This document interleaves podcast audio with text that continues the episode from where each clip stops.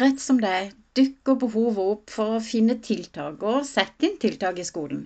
Ikke bare i forbindelse med mobbing, men i og med at tiltak utgjør en så stor del av mobbesaker, og saksbehandlingstida bare blir lengre og lengre i saker, er det helt relevant område, tenker jeg, for dagens tema, nemlig hvordan jobbe med tiltak. Klart vi kan snakke om det. Velkommen til ukens episode. Hei der. Er antimobbeentusiasten Tine Hoff. En indoktrinert kulturbygger. Nerd på læring og utvikling. Sverger til støtte og drahjelp som arbeidsform. Og elsker å finne enkle løsninger som kan hjelpe sånne som deg videre i dine utfordringer med skolemiljøet, eller i arbeid mot mobbing eller kompliserte mobbesaker. Jeg er her for å støtte og gi drahjelp. For kan vi voksne jobbe i samme retning, så har vi langt større sjanse for å hjelpe barna som opplever mobbing, både kjappere og mer treffsikkert. Klart barna fortjener det. Nok prat. Skal vi gå i gang? Som du sikkert husker, så snakka vi om undersøkelsesdelen i aktivitetsplanen her forleden. En av kolonnene dreide seg nettopp om tiltak. I denne undersøkelsesdelen samles jo data fra spørreundersøkelser og samtaler og observasjoner, som gir et solid grunnlag for samtalen om hvilke tiltaksforslag man skal sette på aktivitetsplanen. Men så er det bare det da at etter å ha sett eh, aktivitetsplanen på aktivitetsplanen de siste tolv årene, så syns jeg å ha belegg for å si at Eller la meg heller si det slik det er rom for forbedringer. Tiltakene bærer jo preg av å mangle en viktig komponent, tenker jeg da. Så la oss snakke om det i dag.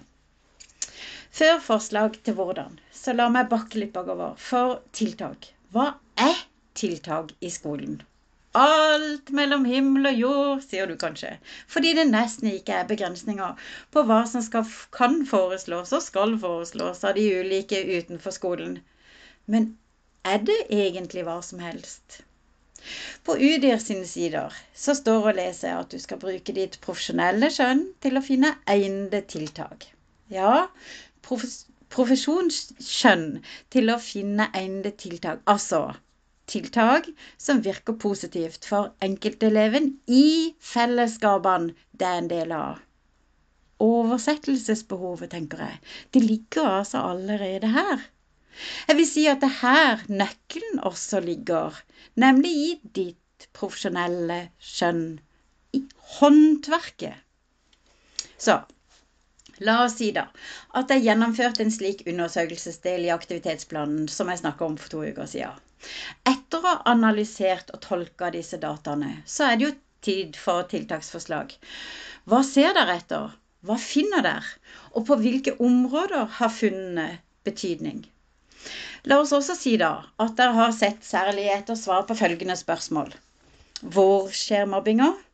Hva skjer mellom de? Eh, og hvem er de? Og når skjer det? Hvor har jo betydning for den konkrete justeringa? Er det på mobilen, i klasserommet, ved bytte av klasserom, i friminuttene, i gymgarderoben, eller alle de nevnte stedene? For hvert sted så trengs tiltak. Men det kan også være justering i opplegg som luker ut disse stedene hvor det har skjedd. Så sant mobbinga ikke er helt frakobla medelevene i klassen, vil det nesten alltid være behov for å sette inn tiltak her. Punkter jeg vurderer da, er sånne som plassering. Trengs det en endring i plasseringa i klasserommet? Trengs det en omrokering av hvem som sitter hvor? Har en omrokeringssyklus som bør stoppe opp i en periode. Ikke minst sånn at jeg kan klare å følge med på utviklinga og virkninger av tiltakene jeg setter inn. Det kan være at elevene skal sitte hver for seg og ikke i par eller grupper en periode. Jeg ville vurdert om det trengs å ta en pause fra samarbeidsoppgaver, og heller la alle løse oppgavene individuelt før svar og diskusjoner kjøres i plenum. Et annet område er jo opplegg. Hvordan kan jeg luke ut at mobbing eller utrygghet skjer i mitt klasserom i mine timer? Stramme koreografien er jo det første som slår meg da. Altså bruke instruks og tempo i overganger, sånn at det ikke åpner for muligheten til at det skjer noe. Husker du Eh, husker du den der plan for timen som du lagde i lærerstudiet og i starten av lærerjobben? Nettopp monitorering av overganger gjorde jo at vi lærte oss hvordan vi kunne forbedre effekten og holde på oppmerksomheten til elevene. Akkurat sånn type måte å tenke på tenker jeg på her, da. En annen ting som hjelper i monitoreringa av utviklinga, er en oppsummering til slutt i timen. Det er i hvert fall én måte å gjøre det på, da. La oss si at jeg også har funnet at mobbing eller utrygghet skjer i klasseromsbytte. ikke sant? Hvis de skal fra et rom til et annet. Hva om du kjører f.eks. Hva har du lært? type oppsummering til slutt. Her er det jeg har gjort. Altså, helt konkret tips. Du trenger en kopp med noe å skrive med til halve klassen og en papirlapp til alle. Og så sender du altså da eh, halvparten av gruppen, som du har valgt bevisst ved meg, til å løpe til neste klasserom med sekkene sine, og så komme tilbake. Den gruppa som da er igjen i klasserommet, oppsummerer timen. De små kanskje gjennom en pil opp til sida eller ned. Um, um, mens de eldre kan peke på um, Konkretisere hva de har lært i timen. I tre korte setninger, f.eks. Og de eldste elevene kan da f.eks. tenke på hva de trenger mer av om temaet etter timen. I tre setninger, f.eks. Når gruppen som har satt fra seg sekkene, kommer tilbake, så byttes de jo bare rundt. Og da var de to elevgruppene på to ulike steder når timen er over.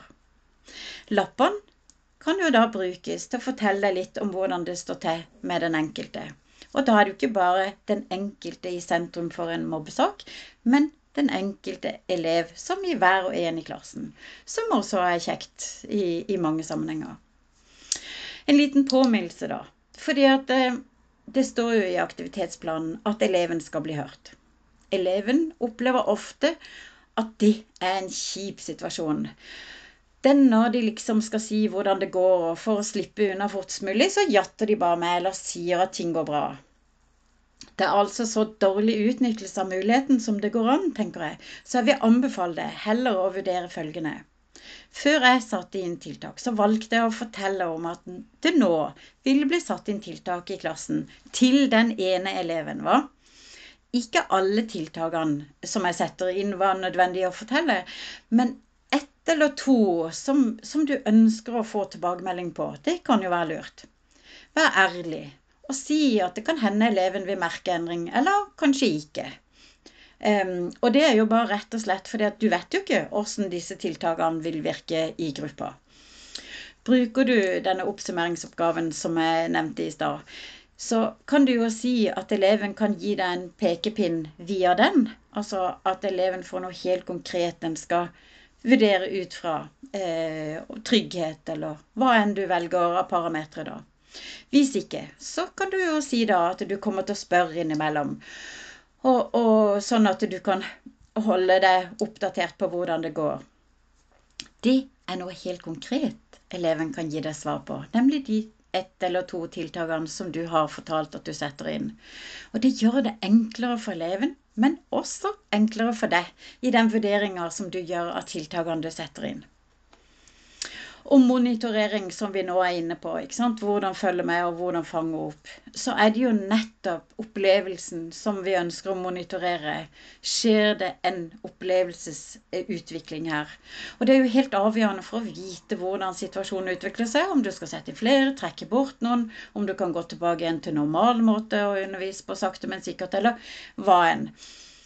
Jeg tror nemlig dessverre eller heldigvis, alt dette som du ser det, at ferdighetene som lærere har til å bygge, justere og videreutvikle for læring, holder all masse i å jobbe som det en må gjøre i kjølvannet av mobbing. Å holde følge med hvordan tiltakene virker, er jo ikke annerledes enn å følge med på den enkelte elevs faglige utvikling. Til slutt, husk at det er én ting å reise tiltaksforslag når en sitter flere fagfolk sammen og med et stort datamateriale foran seg, en snakker samme språk, har tilsvarende erfaringer og forståelser, kan drodle rundt ulike ideer osv., som er det man har gjort etter å gjennomført undersøkelsesdelen i aktivitetsplanen. Noe helt annet er det nemlig, der alle parter kommer sammen i saksbehandlinga, hvor alle sitter med ulike fagbakgrunner, ulike erfaringer, forståelser og til tider veldig sprikende løsninger. Ikke bare det, men alt ses hele tiden ut fra et enkeltmenneske, nemlig barnet eller eleven eller pasienten, alt ettersom hvilken rolle en har. Ja, det er jo sånn, er det ikke det?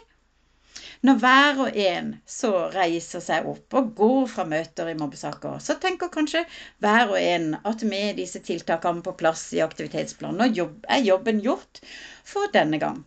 Det er bare det at hovedjobben står jo igjen, nemlig å løse tiltakene i praksis all verdens lovregler, rettigheter, plikter, oppskrifter og alle tenkelige løsningsforslag som nettopp har blitt diskutert for den ene eleven, skal bli til noe håndfast, gjennomførbart i fellesskapene elevene er en del av. Har du tenkt på det? Hvorfor prates det aldri om det? Det gjør jeg neste uke. Og du, takk for at du var her i dag, og jeg håper du fikk noen tips til hvordan du kan jobbe med tiltak helt fra starten av. God uke! Thank you.